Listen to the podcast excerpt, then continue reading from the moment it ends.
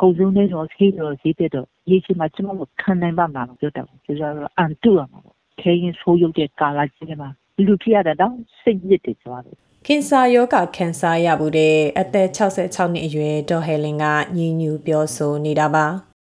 ကုန်စည်နှုန်းကြီးမြင့်မှုတန်ကိုရင်ဆိုင်အန်တုနေရတဲ့တဲမှာနေ့စဉ်သုံးစေဝါတွေဈေးတက်လာတာကအဆိုးဝါးဆုံးဖြစ်နေပါတယ်။ လက်ရှိမှာနိုင်ငံခြားငွေစည်းမြင့်တက်လာမှုနဲ့အတူပြပသွင်းကုန်တွေဈေးတက်တဲ့အထက်စေဝါဈေးနှုန်းတွေက3ဆကနေ5ဆလောက်အထိတက်လာနေပါတယ်။အာနာသိမီနောက်ပိုင်းကလေးကတနစ်ခွဲကျော်အတွင်းစေစင်းနှုန်းကတရိပ်ရိပ်သာတက်လာတာကြောင့်ပြည်သူတွေတက်နိုင်တဲ့အနေအထားမှာရှိခဲ့ပါသေးတယ်။ အိမ်အများစုဆောင်ထားတဲ့ကြတဲ့ဖျားနာကြိုက်ခဲရင်တောက်တဲ့ပါရာစီတီမောလို့စီမျိုးကအရင်ဆိုတကက်ကျက်400ဝန်းကျင်သာရှိပေမဲ့အခုဆိုရင်တကက်2000ကျော်အထိဈေးတက်လာပါတယ်ဒီနှုံထားဟာမြို့ပြတွေမှာပေးဝယ်ရတဲ့ဈေးဖြစ်ပြီးကျေးလက်ဒေသတွေနဲ့တွာလာရခက်ခဲတဲ့ဒေသတွေမှာဆိုကျပ်3000လောက်ထိပေးဝယ်နေရပါတယ်တနေရာနဲ့တနေရာဈေးချင်းမတူသလိုတနေ့နဲ့တနေ့မှလည်းဈေးနှုန်းတွေကပြောင်းလဲနေတာပါ ဒါကြောင့်တပိုင်တနိုင်စီးရောက်တဲ့ဆိုင်တွေမှာဆိုလိုအပ်တဲ့စီးလောက်သာတင်ရောက်နိုင်တဲ့အနေအထားဖြစ်နေတယ်လို့စီးဆိုင်ပိုင်ရှင်တူဖြစ်တဲ့ကိုရောဘင်ကပြောပါတယ်။ရင်တော့9ဘူး6ဘူး10ဘူးလောက်ဝယ်တာခု2ဘူး3ဘူးလောက်နဲ့စီးပေါ်မှာကြည့်ဖို့ရောင်းဖို့အတွက်ပဲတင်ထားတာပေါ့။အဓိကဈေးတွေလောက်ပဲတင်တော့တာ။အပေါ်ကဈေးနှုန်းတွေသူတို့ပြောတဲ့ဈေးနှုန်းတိုင်းပဲဒီကဝယ်ရတာ။တက်တော့လည်းတက်ဈေးတိုင်းပဲဝယ်ရတာ ဒီမှာကျတော့လည်းတက်ဈေးနဲ့ပဲဈေးနဲ့ပြန်ရောင်းရတော့တက်တာပေါ့တချို့ဈေးဆိုလို့ရှိရင်လည်းဟိုစား900 1000လောက်တက်တယ်နိတကက်ကိုလေမာဈေးတွေအစအကုန်တက်တာဈေးကတစ်ပတ်တစ်ခါသလိုနှစ်ရက်တစ်ခါသလိုတစ်ရက်တစ်ခါသလိုသူ့အောင်နဲ့သူကုန်စည်တော့တက်လိုက်ညင်းလိုက်တက်လိုက်ဖြစ်နေတော့ကြောင်းပြောင်းသွားတာပဲမြန်မာပြည်မှာတနေ့လောက်ခလာစားဟာကျပ်4800သာရှိတာပါ လက်ရှိမှာပါရာစီတီမောတကက်ကိုကျပ်2000ဝန်းကျင်အထိပေးဝယ်နေရတာကြောင့်တရက်လောက်ခရဲ့ထဝက်နီးပါးကိုအခြေခံအိမ်သုံးစေဝါအတွက်မဖြစ်မနေကုန်ကျနေရတဲ့အနေအထားဖြစ်နေပါတယ်။အိန္ဒိချင်းထိုင်းနိုင်ငံမှာဆိုရင်တော့ပါရာစီတီမောတကက်ဟာလက်ရှိငွေလဲနှုန်းနဲ့တွက်ရင်တော့ကျပ်1000မပြေပါဘူး။ ထိုင်းငွေနဲ့ဆိုတကက်10ဘတ်သာပြီးဝယ်ရပြီးတရက်အခြေခံလောက်ခဘတ်300အထက်မှရှိတာကြောင့်ကျန်းမာရေးအသုံးစီဟာမျှတမှုရှိတယ်လို့ဆိုနိုင်ပါတယ်မြန်မာနိုင်ငံကပြည်သူတွေအတွက်တော့စစ်အာဏာသိမ်းပြီးနောက်ပိုင်းကျန်းမာရေးစောင့်ရှောက်မှုတွေယိုယွင်းလာတဲ့ကြကပဲအခုဆိုစေဝါစေနှုံအစမတန်မြင့်တက်တဲ့တန်ကိုပါခံနေကြရတာပါ ပြည်သူအများစုနေ့စဉ်ဆွဲတောက်ရလေးရှိတဲ့သွေးတိုးစီးကြိုကြဆေးတွေဟာလည်း25ရာခိုင်နှုန်းထက်ဈေးတက်နေပြီးကင်ဆာလိုနာတာရှည်ယောဂကုသဆေးတွေကတော့အရင်ကတသိန်းဝန်းကျင်ရှိတဲ့ဆေးမျိုးကလက်ရှိမှာ3သိန်းကျော်အထိ3ဆလောက်တက်သွားတာပါ ဒါကြောင့်ကင်ဆာယောဂအတွေ့အရင်ကတစ်နှစ်အတွင်းစေကုသကုန်ကြစီ380ဝန်းကျင်ကုန်ရင်အခုဆိုကျပ်350ဝန်းကျင်အထိကုန်ကျလာတယ်လို့စေကုသနေရသူတွေစီကသိရပါတယ်။ဒါအပြင်စေဝါပြက်လက်မှုတွေကြောင့်စေးမတောက်နိုင်တော့ပဲနာကျင်မှုတွေကိုကြိတ်မိတ်ပြီးတောက်ခံနေရတယ်လို့ရှင်သားကင်ဆာနဲ့အယိုးကင်ဆာနှစ်ခုစလုံးအတွက်ကုသမှုခံယူနေရတဲ့အသက်30ဝန်းကျင်မက်လက်ဝါမောင်အောင်ကဆိုပါတယ်။ ဆေးတွေဆိုရင်တချို့ဟာတွေဆိုကန့်သက်ဆေးတွေရှိရပေါ့နော်အဲ့တော့မျိုးကြီးဆိုရင်ဆေးရုံကြီးတွေမှာအမတို့ကသွားဝယ်ရတဲ့ခါမျိုးကြီးဆိုရင်ပစ္စည်းပြတ်နေတာမျိုးရှိတယ်အဲ့တော့ပတ်စံဘလောက်ပေးပေးပုံအောပြီးပေးလဲပစ္စည်းကမရှိဘူးမရှိတော့အမတို့ကတစ်ခါလေကြာရင်ကြိုက်တာခဲတာအစတချို့ဟာတွေဆိုဟိုတော်တော်လေးကိုတီးခံပြီးနေရတယ်ပေါ့နော်ဒါကတစ်ပိုင်းအော်နောက်တစ်ပိုင်းကကျတော့အမတို့မှာဟိုပုံမှန်ပေါ့နော်ဒီ6လတစ်ကြိမ်3လတစ်ကြိမ်ဆေးတွေပြန်စစ်ရတာမျိုးရှိအဲ့တော့ကင်ဆာဌာနမှာဘာဖြစ်သွားလဲဆိုတော့ပုဂ္ဂလိက ဆေးရုံနေရာမှာအစအဲ့လိုမျိုးဓာတ်မှန်ရိုက်တာပဲဖြစ်ဖြစ်အဲ့လိုဆေးစစ်တဲ့ဟာမျိုးတွေဖြစ်ဖြစ်ဆိုအမားတို့ကစစ်လို့မရဘာဖြစ်လို့လဲလို့သူတို့မေးလို့ရှိရင်အဲ့ဒီတကူလုံးရိုက်ရမယ်စက်ပစ္စည်းတွေကိုထည့်မယ်ဆေးရည်ကိုတင်သွင်းလို့မရဘူးဆိုတဲ့ဟာမျိုးတွေဖြစ်တယ်အဲ့တော့အမားဆိုအခု6လတစ်ချိန်စစ်ရမယ်ဥစ္စာအမားစစ်လို့မရအဲ့တော့ကင်ဆာအထဲမှာပွားလားပါလားဆိုတာမသိတော့ ဆရာဝန်တွေကလည်းမှန်းပြီးကူရတယ်ကင်ဆာဆိုတဲ့သဘောကဟိုရုပ်တရက်ကြီးဖြောက်ခနဲတည်သွားတဲ့ယောဂမဟုတ်ပေမဲ့တမြင်းမြင်းနဲ့တည်သွားနိုင်တာလေတည်သွားနိုင်တယ်ဆိုတော့ဒီပိုးကဒီဆေးတွေမတောက်ရလို့ရှိရင်တိုးသွားတာမျိုးရှိတယ်ဓာတ်ကင်ရမယ့်အချိန်မှာဓာတ်မကင်ရရင်ဒီပိုးတွေကတကူလုံးပြန့်သွားတာမျိုးရှိတယ်အဲ့တော့လူကတေးရမယ့်နေ့ကိုထိုင်ဆောင်နေရတဲ့ဘဝကြီးဖြစ်သွားတာပေါ့ဟိုအရန်ခက်ခဲတယ်ပေါ့နော် စစ်အာဏာသိမ်းကာလအတွင်းတိုင်းပြည်မတည်ငြိမ်မှုနဲ့အတူစီးပွားရေးမကောင်းတာနေမြေတည်ငြိမ်မှုမရှိတာ73စီစီမြင့်တက်လာတာတွေဟာတောင်ပေါ်ဒေသတွေမှာတည်ယူပို့ဆောင်ရေးထိခိုက်လာပြီးအခြေခံစားကုန်နဲ့စီးပွားစီတွေကမြေပြန့်ထက်ပိုမြင့်တက်နေတာပါမြန်မာနိုင်ငံအတွင်းနေမြေတည်ငြိမ်မှုမရှိတဲ့ချင်းပြည်နယ်ဘက်မှာဆိုလဲစေဝါတည်ဆောင်ခွင့်ကိုစစ်ကောင်စီကပိတ်ပင်တားဆီးခဲ့တာတစ်နှစ်ကျော်ကြာမြင့်ခဲ့ပါပြီ။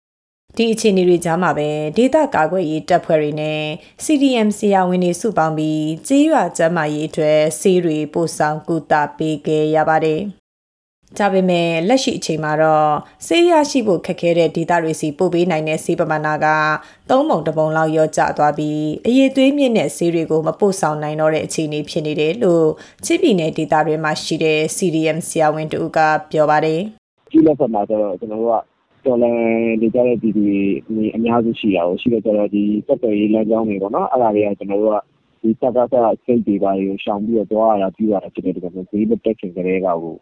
ဟိုတော်တော်လေးအခက်အခဲရှိခဲ့တယ်ဒါပေမဲ့ကျွန်တော်တို့ကဒီပေါ်နော်စေကူတာမှုခံယူဖို့လိုတဲ့သူတွေကိုပဲဦးစားပေးပြီးတော့ကြည့်ခဲ့ကြတော့ဒီဝါကမလောက်ပြီမဲ့စေကူတာမှုခံယူဖို့လိုဖို့လိုအပ်နေတဲ့သူတွေကိုတော့ကျွန်တော်တို့စမ်းပါဆောင်ရှောက်မှုပေးခဲ့တယ်အခုဒီတက်လာတဲ့ခါကျတော့ကျွန်တော်တို့အရင်တော့ဒီပမာဏများများဆဆမရနိုင်ပါဘူးပေါ့နော် အဲ့ဒါလေးခက်ခဲတစ်ခုရှိတယ်ဒါကအပြင်ကျွန်တော်တို့ကဒီသုံးပုံတစ်ပုံကျွန်တော်တို့ကဒီလက်ထက်မှာသိ30လောက်ပဲရှိတယ်ဆိုရင်အဲအရင်တက်ဆိုင်တဝက်နီးပါးလောက်ကိုဒီကအမောင်းကကြော့သွားတယ်ပေါ့နော်အဲကျွန်တော်ဒီပါလာဆိုလဲပါတာပေါ့နော်ပါလာကိုမှဈေးတက်တာလည်းအများဆုံးလို့အဆင်ပြေနေ quality လည်းမဆိုးဘူးဆိုတဲ့ဈေးကိုကျွန်တော်တို့ကယူလို့ယူလို့ရနိုင်ပါရဲ့နဲ့လောလောဆယ်မှာဒီဈေးမျိုးနဲ့အစီအပဲ stock မှာရှိတယ်ဆိုတော့အဲ့ဒါလည်းကျွန်တော်တို့ဝယ်ရတာပဲဆိုတော့ဈေးကတော့ variable ဖြစ်တယ်ပေါ့နော်အာပုံမှန်တက်တာရင်တော့ဒီဈေးကအရင် အရင်တော့ကျွန်တော်တို့ဟိုရှိကြတယ်နှမ်းပို့ပို့ကြတယ်ဆိုတော့ဒီလိုဆိုရင်အခုဟိုအရှင်ကတော့စေတင်ပို့ပို့ပြီးမှကျွန်တော်တို့အရင်ကစီးမရတော့ဘူးစေးစင်းမြင်တာကြောင့်အခုလိုအခက်အခဲတွေရင်ဆိုင်နေရတာတွေမကပဲကျန်းမာရေးအထောက်အကူပြုပစ္စည်းတွေလည်းဈေးတက်လာတာကြောင့်သုံးဆဲသူတွေအခက်ကြုံနေကြရပါတယ်မြန်မာနိုင်ငံတွင်းလူဦးရေအများဆုံးဖြစ်တဲ့အမျိုးသမီးတွေအတွက်လှစဉ်လိုအပ်တဲ့အရေးကြီးကျန်းမာရေးအထောက်အကူပြုပစ္စည်းလှစဉ်သုံးတွေဟာလည်းဈေးတက်လာနေတာပါ တကူရည်တက်ချင်းရည်နဲ့ကျန်းမာရေးအတွက်သုံးရတဲ့အမျိုးသမီးလစဉ်သုံးပစ္စည်းတွေဟာလေးစဝင်ကျက်လောက်ထိဈေးတက်လာတာကြောင့်အမျိုးသမီးတွေအခက်ကြုံကြရတဲ့အကြောင်း post တွေကိုပြီးခဲ့တဲ့ရက်ပိုင်းကလူမှုကွန်ရက်စာမျက်နှာတွေမှာတွေ့ရပါတယ်။ကျေးရွာဒေသဘက်ကအခြေခံလူဒန်းစားအမျိုးသမီးတွေအများဆုံးသုံးတယ်လို့ယူဆရတဲ့အမျိုးသမီးလစဉ်သုံးတစိမ့်တွေတောင်အရင်ကတထုပ်ကျပ်900ပေးဝယ်ရတာကအခုဆိုကျပ်2200အထိမြင့်တက်လာပါတယ်။ ညောင်တုံးနယ်ဘက်မှာနေထိုင်တဲ့အသက်30အရွယ်မတ်မီမီကတော့အမျိုးသမီးလာခင်တုန်းဆိုအရင်တော့ဆိုရင်အမြဲတမ်းဝတ်ထားတယ်ကွာတစ်ထုပ်တစ်ထုပ်ဝတ်ထားတယ်အခုဆိုတော့ဆိုလို့ရှိလို့ရှိရင်တစ်လကိုတစ်ထုပ်သုံးအားပို့တော့မှမလွယ်ကူဘူးပေါ့နော်ဘာလို့ဆိုတော့ဈေးတွေကတအားမြင့်တက်လာတော့လေဒီဟိုကတရက်ကို3ခု4ခုလောက်သုံးရမယ့်နေရာဆိုရင်ခုနဆော့သုံးရမှာပေါ့နော်အခုချိန်ဒီမှာစစ်စားလည်းပဲဈေးကပိုတက်ရုံမရှိတော့လေပေတက်မှရှိတော့အတွက်နည်းနည်းတော့ဆော့သုံးရတော့မယ်ကိုစိတ်နဲ့ကိုဆိုရင်တော့ဆော့သုံးရလိမ့်မယ်ဒီတော့ဆိုအိမ်မနေလဲလောက်ထားတယ်ကွာအခုဆိုလို့ရှိရင်အိမ်မနေလို့ရှိရင်တော့မတုံးမတုံးမဲ့နဲ့ကိုကကိုဒီလိုပဲနေရမယ့်ပုံမျိုးဖြစ်နေပြီပေါ့နော် ပြည်တွင်းစေဝါဈေးကွက်မှာ85ရာခိုင်နှုန်းကပြည်ပကနေတင်သွင်းရတာဖြစ်ပြီးကျန်တဲ့15ရာခိုင်နှုန်းကသာပြည်တွင်းကနေထုတ်လုပ်တာပါစေးအများစုကိုတော့တရုတ်အိန္ဒိယထိုင်းပါကစ္စတန်နဲ့ဩစတြေးလျနိုင်ငံတွေကတင်သွင်းကြပါတယ် လက်ရှိမှာတော့စစ်ကောင်စီလက်အောက်ခံကုန်သွယ်မှုနဲ့ကုန်စည်စင်းမှုများမှတ်ကပ်မြန်ဆန်ရေးဗဟိုကော်မတီကစားသုံးစီ73စီနဲ့စီဝါတွေကိုသွင်းကုန်ပါမစ်ချထားပေးပြီးတင်သွင်းခြင်းတဲ့ပစ္စည်းတွေကိုစည်ရင်းကြိုပေးရကခွင့်ပြုမိတ်ရမှာသာတင်သွင်းနိုင်ကြတာလည်းဖြစ်ပါတယ်။ကြအပြင်54တန်သောပြည်သူတွေကိုကျန်းမာရေးစောင့်ရှောက်မှုပေးနေတဲ့စေယုံနဲ့စေကန်80ရာခိုင်နှုန်းကအစိုးရပိုင်းလူထုကျန်းမာရေးစနစ်အောက်မှာရှိနေတာပါ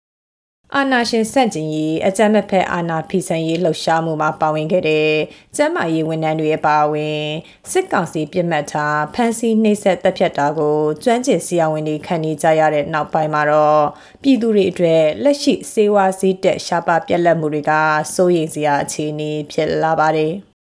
လက်ရှိအခြေအနေတွေနဲ့ပတ်သက်ပြီးဖြည့်ရှင်းစရာနီလန်တွေကခက်ခဲနေသေးပဲလို့ပြောလာသူကတော့ဆရာဝန်တူဖြစ်သူဒေါက်တာစိန်ပါ